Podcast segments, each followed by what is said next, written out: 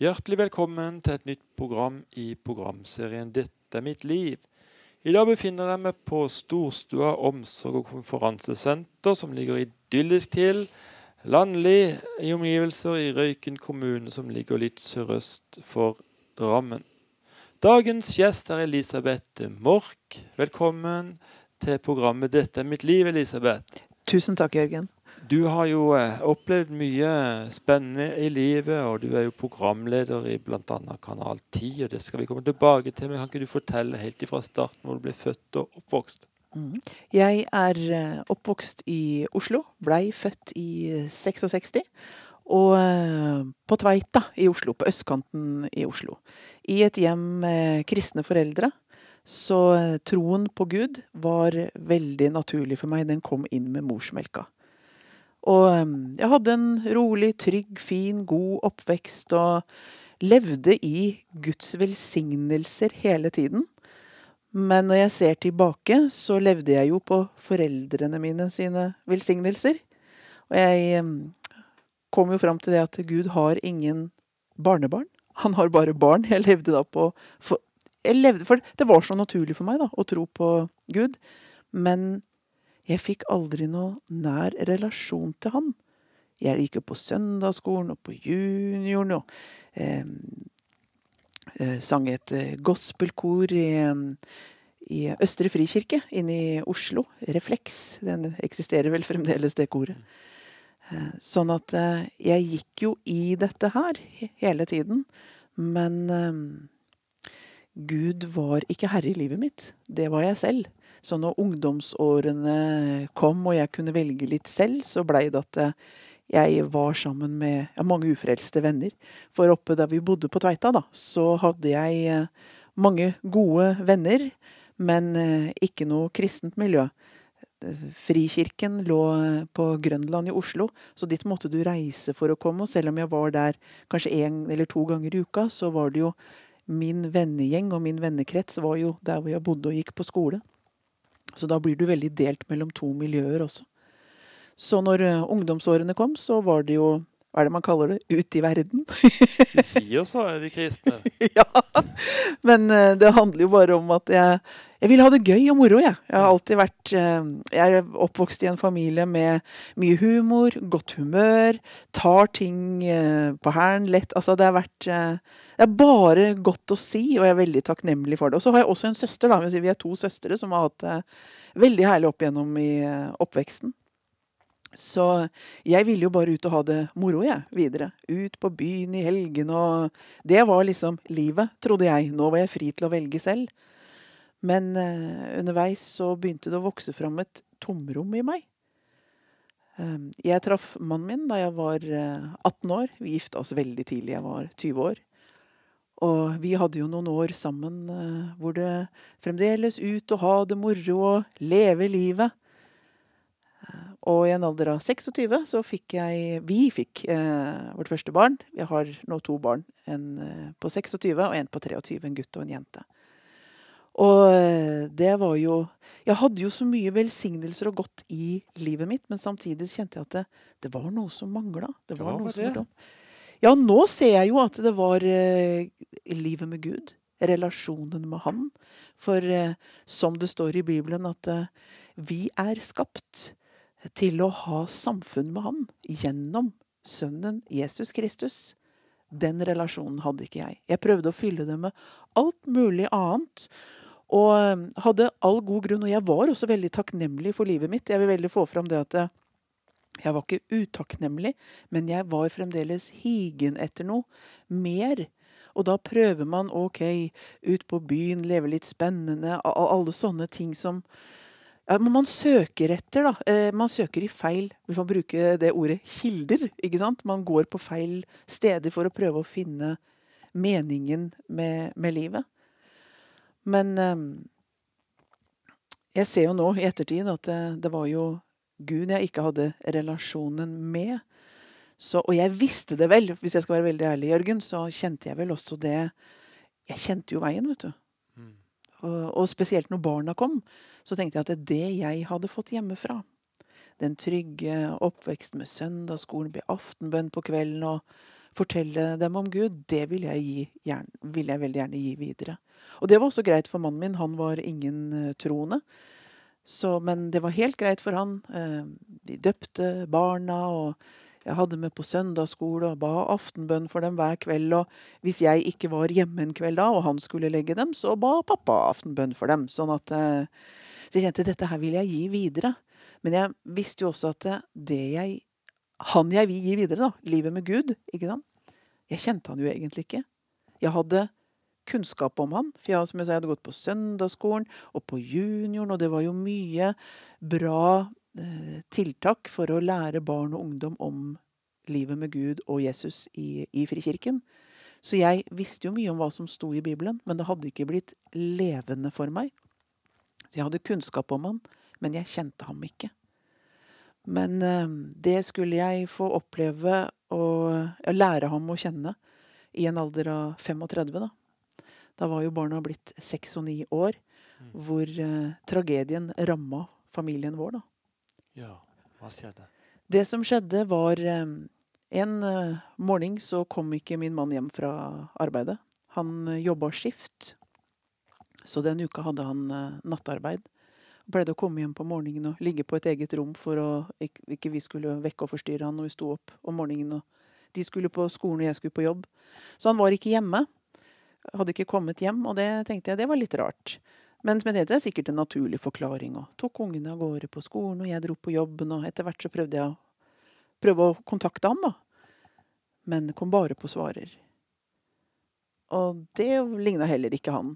Og et, på ettermiddagen da tenkte jeg jeg må ringe og høre. at Kanskje det har skjedd et eller annet. For han var um, yrkessjåfør. Kanskje det har skjedd noe på natta. Altså har han plassert uh, bilen sin uh, tilbake der hvor han skulle. Så jeg ringer til sjefen hans og lurer på om han har hatt noen kontakt med han. Og da får jeg noen tilbakemeldinger som jeg tenker dette her stemmer ikke. Fordi han hadde ikke vært på jobb kvelden i forveien. Men han hadde vært hjemme med syke barn, hadde han fortalt. Og det hadde vi ikke. Da skjønte jeg at det, nå er noe galt. Dette her var i desember 2001. På Lucia. Jeg husker det så godt. For eh, det var jo Lucia-forestilling på, på skolen. Og barna var ikke klar over at uh, noe At det var ting som ikke var som det skulle. For de var jo vant til at han, når han jobba skift, så var han borte en, De så han nesten ikke på en uke. For han sov eh, når vi var våkne, og motsatt. Men eh, jeg tenkte at jeg, jeg fikk den tanken jeg må melde han savnet til politiet. For dette her Jeg begynte å få, jeg snakka med litt venner og sånn da nå, og fikk en del tilbakemelding om, som sa at noe er alvorlig gærent. Så mens uh, ungene er på Lucia Jeg er jo der nede, jeg også, for jeg håper kanskje han kom inn der, da. Men det gjorde han heller ikke. Så når den forestillingen var over, så ringte jeg til politiet, som kom hjem og tok opp en beskrivelse av han, hva slags bil han kjørte. Og de uh, hadde han som meldt savnet i arkivet sitt. Og eh, vi bestemte om at vi ikke skulle gå noe ut med det, for man kan jo ofte lese i avisen om folk som er savnet, til etter over helgen. Dette var en torsdagskveld. Men å vente litt og se, da. For tilfelle han kom til rette, tilfelle det var en naturlig forklaring. Men i de fire dagene der, som jeg sa, så Inntil han ble funnet, for eh, da den er det vel 16. 17. desember, så fikk jeg beskjeden om at hadde, politiet hadde funnet han, og at han hadde tatt livet sitt. Og som du skjønner, hele verden raste jo sammen. Det som var veldig spesielt, det å gå tre-fire dager og ikke vite hvor en person er Og uh, alle tankene som kommer, det Du er i en enorm uh, Altså, det er frykt, det er redsel, det er mye tanker som uh, kommer. Og idet de Eh, politiet og en lege, faktisk, ringte på døra seint en søndag kveld. Og jeg skjønte idet de sto der, hva som hadde skjedd. Så var det som om den frykten og redselen var bare Å, jeg trenger ikke å vente lenger. Nå vet jeg hva som har skjedd. Men så blir du kasta inn i noe som er en, enda verre. Uh, og det tanken liksom Hvordan forklarer du dette her for uh, barna? At pappa er død. Men også, som jeg fikk vite i løpet av den natta når politiet satt der sammen med meg, og legen også, at han hadde valgt å ta livet sitt selv. Men før jeg går litt eh, videre på det, så har jeg litt lyst til å stoppe opp og For nå i etterkant så ser jeg hvordan Gud har vært med hele veien. Vi lever i en verden, Jørgen, hvor det skjer mye vondt. Det skjer godt, og det skjer ondt. Gud har aldri lovt oss et liv uten vanskeligheter og prøvelser, men han har lovt å være med oss gjennom dem. Så det som jeg ønsker å få fram nå, er å se Gud i de små tingene. Vi skal gjerne se de store tingene med Gud, ikke sant? Men nå ser jeg hvordan Gud var med og bar meg gjennom allerede før jeg visste hva som hadde skjedd. Bare det at jeg valgte å ta kontakt med politiet, som er en ganske naturlig ting når en person er savna, så var jo han da registrert i registeret hos dem, med bilen og det hele. Det politiet fortalte meg, eh, er at det er helt utrolig at du At han har blitt funnet nå. Fordi um, han uh, valgte å um, gjøre det Altså, du kan sette deg i en bil med ledning, eller ikke ledning, med rør med eksos inn, da. Så det var sånn han valgte å ta livet sitt. Det gjorde at de fant han i bilen. Og bilen var da registrert savna hos politiet. Den samme dagen som jeg meldte han savna, hadde det gått en turgåer ikke så langt unna her, og sett bilen hans stå der. Sett en ja. Og um, tenkte ikke noe mer over det. Fire dager etterpå så går han der fremdeles. Eller så går han uh, samme tur, og bilen står der fremdeles. Så han uh, tenker at hm, kanskje det er en stjålet bil. Jeg må ringe og si fra til politiet. Mm. Og uh, det gjør han jo, og da har jo de den bilen registrert. Sånn at da drar du jo ut der og finner han i bilen. Politiet sa det til meg at der hvor han hadde plassert bilen sin, det var på en vei som ikke var åpen på vinterstid, men på en eller annen måte sånn han klarte å komme seg inn der. Som han sa at du har vært utrolig heldig. Han kunne ha vært her skjult ut til våren, inntil veien var åpna, før noen hadde funnet han. Men på en eh, helt utrolig måte så er det da en turgåer som har eh, funnet han. Og da ble jeg veldig nysgjerrig og hadde lyst til å møte denne. Altså, du har så behov for å mm. knytte deg opp til mennesker som har sett han på slutten og, og, altså, og vært Ja. Så jeg spør kan jeg få møte den personen. Og da sier politiet det er en annen merkelig forklaring. Det er ingen å oppdrive på det nummeret. Vi kommer bare til melding om at uh, nummeret ikke eksisterer. Så vi klarer dessverre ikke å fortelle deg hvem det var. Men, sa de, det var, han var aldri borte ved bilen, han bare meldte fra som han hadde sagt. For de spurte han om han hadde gått bort ved bilen. Så sa han nei, jeg bare ser bilen står her, så dere kan jo gå bort og eh, ta, ta det, dere. Så politiet var de første som fant han, da. Og jeg må også si det at uh, den oppfølgingen jeg fikk fra politiet i de fire dagene mens han var savna, og hvordan de fulgte meg opp etterpå, hvor jeg kunne få lov til å prate med dem underveis, hvilken hjelp de var, og hvordan de møtte meg med budskapet, var veldig spesielt. Så der ser jeg på en måte Guds omsorg midt i det vanskelige. Midt i det vonde. Midt i tragedien. Kanskje vanskelig å forstå, men altså Ja, nå i ettertid til nå, Dette her er jo nå Det var jo 2001. Nå er vi i 2019. er jo 17-18 år siden. Men eh, da jeg fikk eh, beskjeden den kvelden om at jeg hadde funnet han, og han hadde tatt eh, livet sitt, så blir du jo kasta inn i sjokk, i sorg. Og uh, man ser seg tilbake, så ser man at uh, Gud var der, Jørgen, fra dag én. Selv om jeg, hele livet mitt raste jo sammen. Men jeg kjente også Guds nærvær. Det er vanskelig å forklare, det må på en måte oppleves. Men samtidig så var det som om noe bar meg oppi alt dette her. Og da gikk det et år. Det nærma seg um, jul igjen, og, og minnene kommer opp, og Bare det Før så var det sånn for meg eh, at eh, når det var jul, spesielt jul, også påske, men spesielt jul, så det betydde veldig for meg. Det var viktig at den måtte bli bra, for det var liksom det holdepunktet jeg hadde til kristendommen da. ikke sant? Vi feirer at Jesus ble født. Det var veldig viktig for meg at jula Og vi hadde mange koselige juler. Det, har vært, eh, det er mange gode minner å se tilbake på. Og så skjer jo dette her midt oppi juleforberedelsen, og den jula, den første jula, var jo også helt Altså, den var jo bare helt eh, forferdelig. Men jeg husker så godt spesielt eh, julaften vi reiste etter hvert opp til foreldrene mine, som bor oppe i Fagernes. Tok med meg barna, vi reiste opp dit og feira hele familien sammen der. Og når ungene hadde lagt seg på kvelden, da, klokka var blitt 11-12, og vi blei, mamma og pappa og jeg blei sittende igjen i stua og sitte og høre på julesangene om Guds fred, ikke sant? Og um, det var helt mørkt i stua, det var bare juletre med stjerna på toppen som uh, lyste. Og man bare kjenner Guri land, hva slags liv er det som ligger foran oss nå? Hvor går veien videre? Den tanken råda jo veldig hjertet mitt, men samtidig så var det som om den freden på en måte som kun Jesus kan gi. For uh, Guds ord sier det om Jesus, og Jesus sier det om seg selv, at 'min fred gir jeg', ikke den fred som verden gir, men min fred. En fred som overgår all forstand. Jeg kan ikke forklare den, men jeg kjente at allerede da la seg noe rundt at det, ja, dette her vil bli en ting, tøffe ting du vil gå igjennom, men jeg er med deg, kjente jeg. Og det er også veldig spesielt, jeg vil gjerne ta med det også, de fire dagene hvor han var savna. Så ringte jeg jo også opp til foreldrene mine. De var de eneste troende da jeg hadde å be sammen med og snakke med, med livet om Gud de, de, gangene jeg hadde behov for det. da. Livet jeg ikke hadde, men uh, så var det jo ting jeg hadde lært som liten som, som satt igjen i meg. Så vi hadde mange gode samtaler, foreldrene mine og jeg, på det.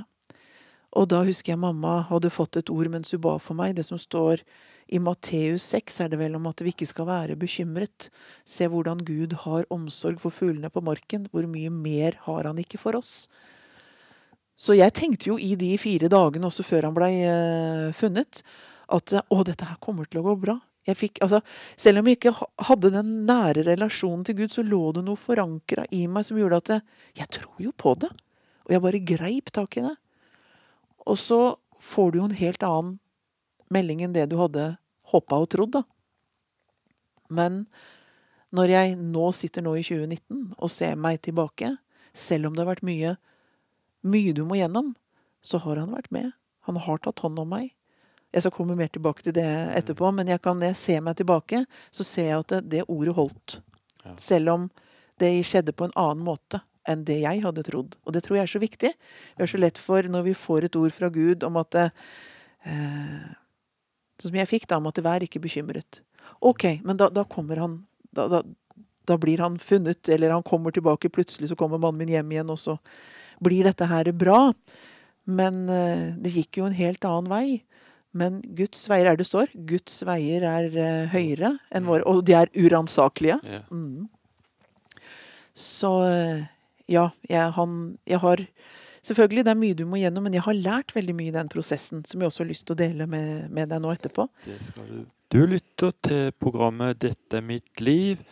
I dag har jeg Elisabeth Mork, som er programleder i Kanal 10, som gjest i denne serien, som altså heter 'Dette er mitt liv'. Og Elisabeth, du har jo delt eh, spesielt tøffe ting i, i, livet. Du mista din mann med at han tok sitt eget liv. Men uh, Gud kom med en spesiell hilsen på en spesiell måte til deg. Det stemmer. Nå nærma det seg året etter, det var førjulstider igjen. Og eh, jeg hadde fram til da erfart han som omsorgeren. Sånn som det står i Jesaja 57,15, at uh, han som bor i det høye, som jeg kanskje nevnte i stad også, bor hos den som har et sønderknust hjerte. Men han vil reise det opp igjen. Og eh, som den sangen som Glenn Gulli sang nå, 'Åpne ditt hjerte der hvor du står'. Eh, Gud viste meg litt eh, gjennom det som jeg skal fortelle nå, da, hvordan jeg må åpne mitt hjerte for Hans ord, og ikke la følelsene få lov til å styre meg videre. For Minnene kommer jo, det er jula igjen, og bare det å se et juletre og høre julesanger Det jo, jeg ble jo fysisk dårlig av det. Det, det satte Altså, sorgen tar sånn tak i deg, og minner og alt, sånn at det, alt som minner om det som har skjedd, er bare noe du egentlig vil flykte fra. Men barna er jo små, og her må man jo prøve å skape en ny jul for dem. Men så var det en kveld Jeg hadde da begynt å hjelpe til uh, litt grann på Evangeliesenteret. Vil bare kort ta med den også. Et par måneder Jeg var i mai, det, året etter. Så var det første gang jeg var på et møte som jeg sa jeg er oppvokst i frikirkemiljø. Da var jeg på et møte i um, kirken i Heggedal. Evangeliesenteret og Ludvig Carlsen var der. Og jeg gikk fram til forbønn. Og da ba Ludvig for meg, og han ba rett inn i situasjonen min. Og da fikk jeg oppleve dette her med, som vi kaller profetisk betjening og kunnskapsord. Han visste jo ikke noe om livet mitt, men hvordan han ba inn, så tenkte jeg dette her vet jo ikke du hva jeg står oppi. Men eh, nå i ettertid så ser jeg at sånn er det jo Gud bruker mennesker til å nå andre med, da. Og derfor ba jeg også om å få en samtale med Ludvig, husker jeg, et par uker etter det, det besøket i mai i 2002. Og eh, jeg hadde jo så mye spørsmål vet du, om hvorfor skjer dette her, Gud? Hvorfor skjedde det? Er ikke du bare god? Det er mye som var i meg. Men en samtale med han, han ga meg jo ikke svarene. Men uh, han var ledet av Gud. Han hørte fra Herren. Og det nærværet som var i de to timene, hva vi kunne gråte over, be over, og noen ganger le av ting. Uh, ikke av hva som hadde skjedd, men på hva var ja, forskjellige ting vi berørte i samtalen. Så ga det meg håp om at uh, Gud vil noe mer. Og det er det jeg får oppleve nå, hvis vi skrur det fram igjen da, til eh, rett før jul. For da hadde jeg, bare for å ha litt annet å fokusere på, hjulpet til litt på evangeliesenteret. Litt sånn frivillig arbeid. Og så er det en eh, kveld, jeg går og legger meg, og minner og alt kommer over meg, og jeg er sliten etter å ha gått det første året, og kjenner at uh, ting er ganske mørkt.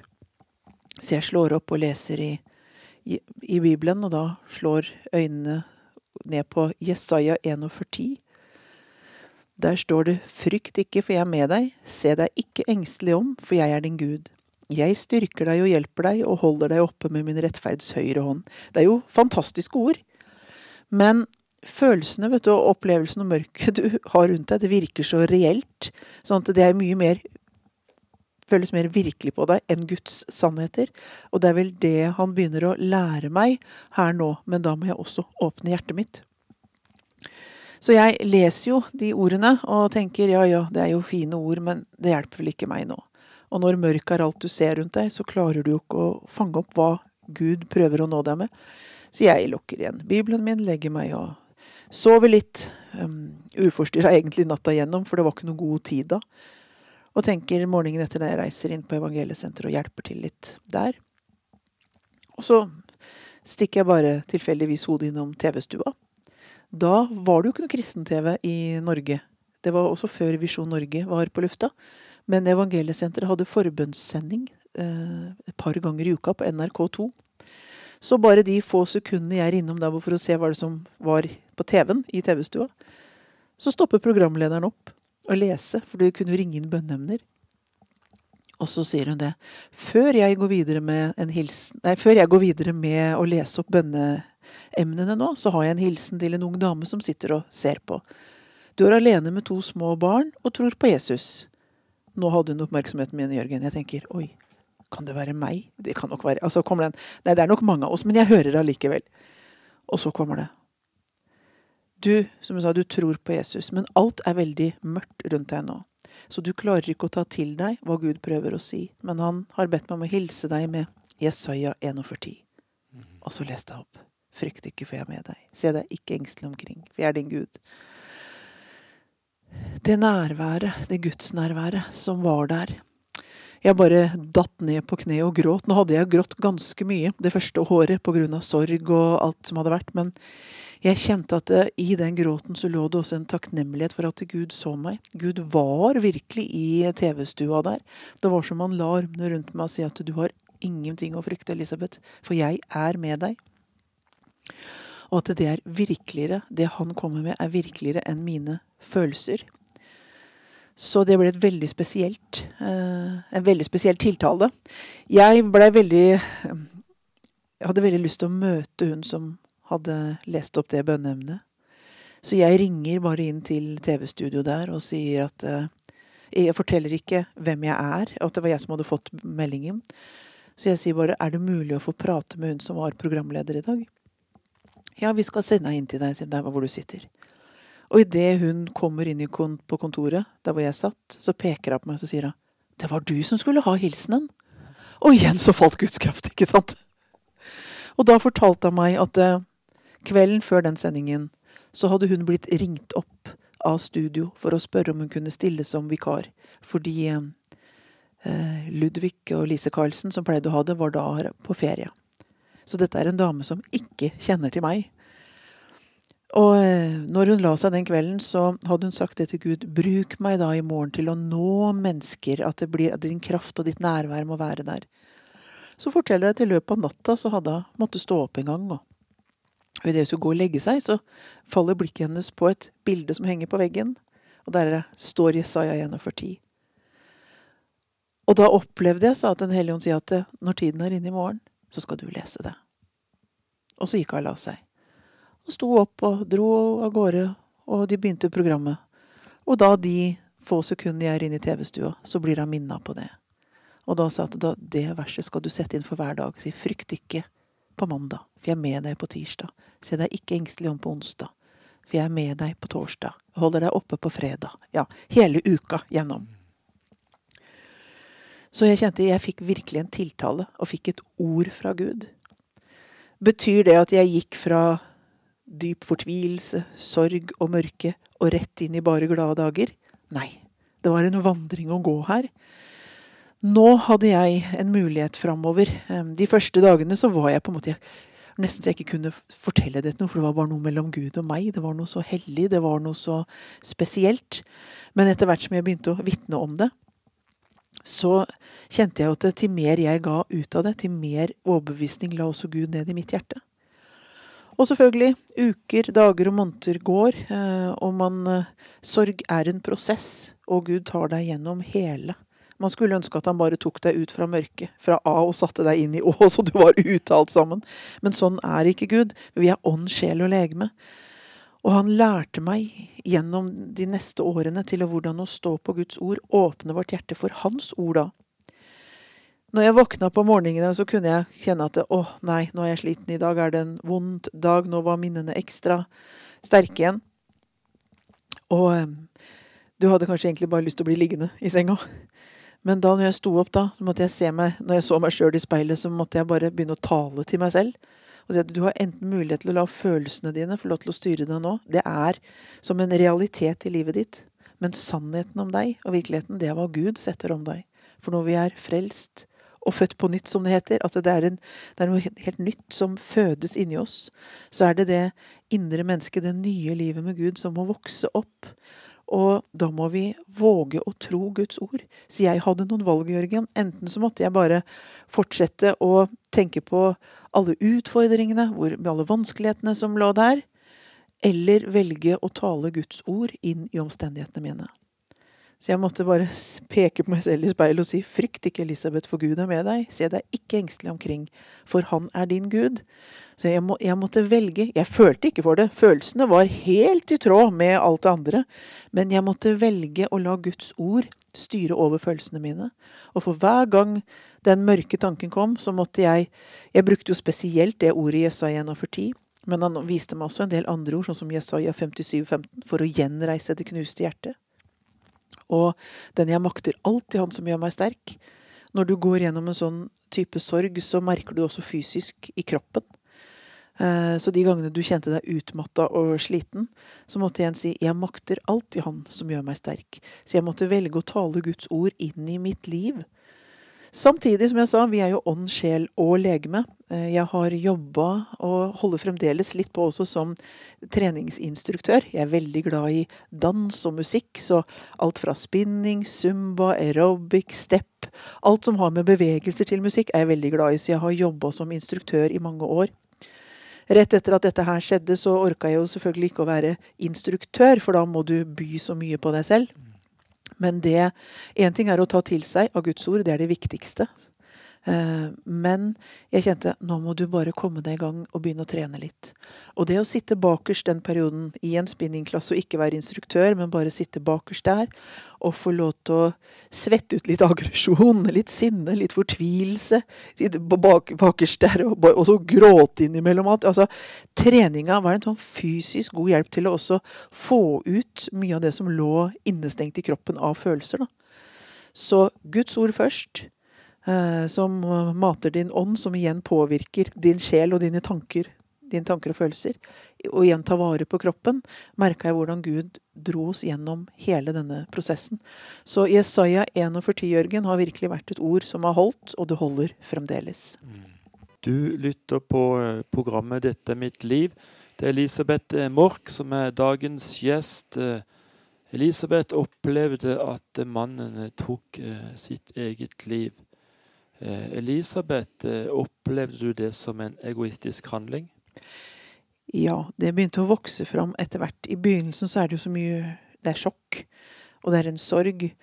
Og ehm, jeg hadde veldig For han la jo igjen et brev til meg som forklarte litt. Ikke alt, men eh, det fikk ting til å komme litt i perspektiv, fordi han hadde ikke noe sykdomsforbilde i forkant, var ikke inne på noe behandling, var, han var ikke i noen faresone. Han var en med veldig godt humør, masse venner, godt likt. Alt var liksom bare bra, og plutselig så skjer eh, katastrofen som kommer som lyn fra klar himmel. Og, men det han eh, skriver i det brevet, og litt tanker og ting han hadde gått med, og sånn, så kjenner jeg at jeg fikk jo det Å, hadde du bare prata med oss? Tenk om du kunne satt ord på det? Så kunne vi hjulpet deg, alle i familien, ikke sant? Så um, i begynnelsen så hadde jeg veldig sånn sorg på hans vegne. Eh, og selvfølgelig mine egne vegne. Mannen min var jo borte. Men den som skar dypest i meg, det var barnas sorg. Og for de fikk jo vite alt fra meg. Jeg fortalte de sannheten om hva han hadde valgt, at, han hadde valgt selv, hvordan han hadde gjort det. For jeg ville at de skulle få høre sannheten hjemme hos meg. For det skaper trygghet, selv om den kan være litt smertefull. Men når jeg da begynte å se på barna og sa mamma, hvis vi ikke hadde gjort sånn eller sånn, tror du da pappa ikke hadde gjort det? Barn tar på seg skylda. Og da, Jørgen, da reiste det seg et sinn i meg. Da kom det at det, hvordan kunne du gjøre dette her mot ungene dine? Så egoistisk. Og i begynnelsen så føltes det godt å kjenne på. Altså hvis du Hvordan skal jeg forklare det? Sorgen tynger deg ned. Det blir sånn mørkt, tungt over deg.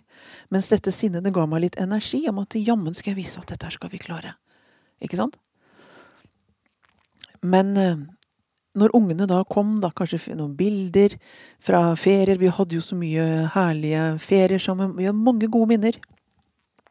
Så forsvant alle disse minnene, for sinnet overtok.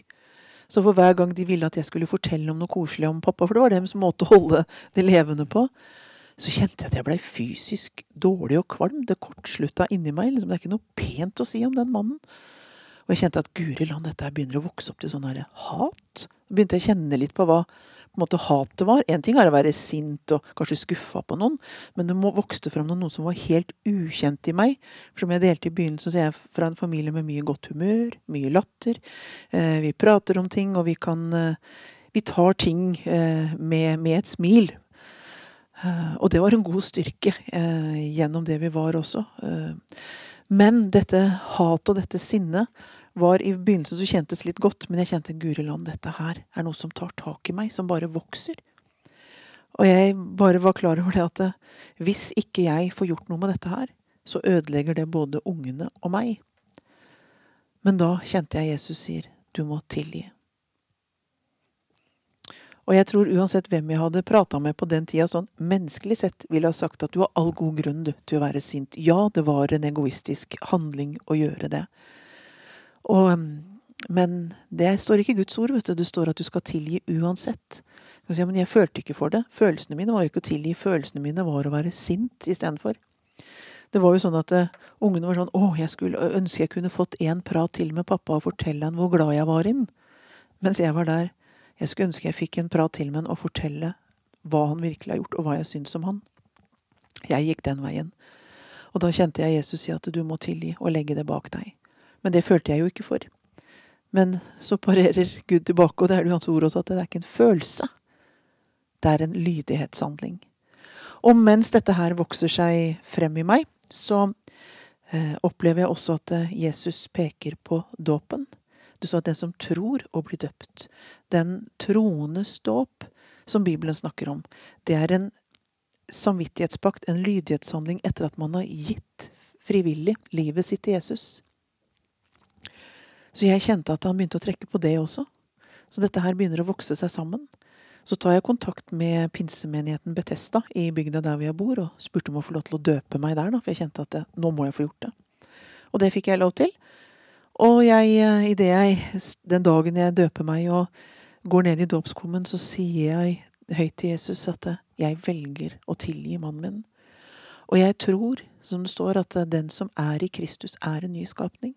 Se, alt det gamle har blitt borte. Vi begraver det gamle. Altså jeg, velger, altså det gamle, jeg tror når jeg står opp igjen fra den dåpsgraven, så er, er, den gamle Elisabeth borte. Den, det nye sinnet som begynte å vokse fram. Også det andre livet som jeg kjente at jeg trengte å begrave. Fordi jeg hadde valgt å gå med Jesus. Og idet jeg står opp av den dåpskummen, så er det borte, Jørgen. Det var borte! det, var, det var ikke noe som over tid, for jeg vet Gud jobber jo forskjellig med forskjellige mennesker, men på meg så var det sånn Der og da tok han det.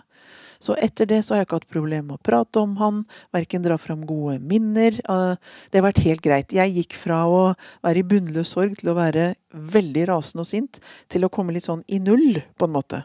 Og jeg kjenner Gud bare har ført oss eh, videre. Så mm, den handlingen der, den lydighetshandlingen der, var veldig viktig. Men jeg vil også bare skyte det inn nå, fordi jeg kan ha fortalt deg om forskjellige fantastiske måter Gud har møtt meg på. Og nå er det jo gått 18 år siden det. Og det har vært en utrolig spennende vandring sammen med han, og jeg er så takknemlig for alt han har hjulpet meg med fysisk her og nå i dette livet. Men det er ikke det jeg er mest takknemlig for, Jørgen. Det er fordi jeg kjenner jeg har fått, som det står, navnet skrevet i livets bok. Jeg kjenner at det, den tomheten jeg hadde før alt dette her skjedde, prøvd å søke i alle mulige kilder for å få fred, selv om det skjedde på en stormfull måte. Jeg pleier å si min lidelseshistorie er også min love story med Jesus. Jeg lærte å kjenne han gjennom eh, de mørke og tunge tingene, for jeg valgte å invitere han inn. Så jeg må si eh, at, det at jeg har fått fred med Gud, og jeg kjenner han. Jeg har ikke bare kunnskap om han lenger, men jeg kjenner han og vet at ja, jeg har et evig liv med han i, i vente, men det evige liv, som det står i Guds ord, det begynner allerede nå, for det er å kjenne han. Så det er det jeg er mest takknemlig for. Som jeg ønsker å løfte fram, at jeg har fått fred med Gud, og at jeg er frelst av bare nåde, og at jeg kunne omvende meg fra det gamle livet som ikke brakte noe. Ikke den tilfredsstillelse, det var kortvarig glede. Mm. Dette her har brakt en himmelsk glede, en glede som ikke denne verden kan gi. Den baseres, Gleden og freden baseres ikke på mine omstendigheter, men på livet med Gud. Mm. Jeg vil spørre deg, Elisabeth. Det er jo sånn at det er en del um, lyttere som nok uh, kjenner seg igjen i mye av det du har delt. og sånn. Kan du tenke deg å komme en personlig hilsen til dem? Mm.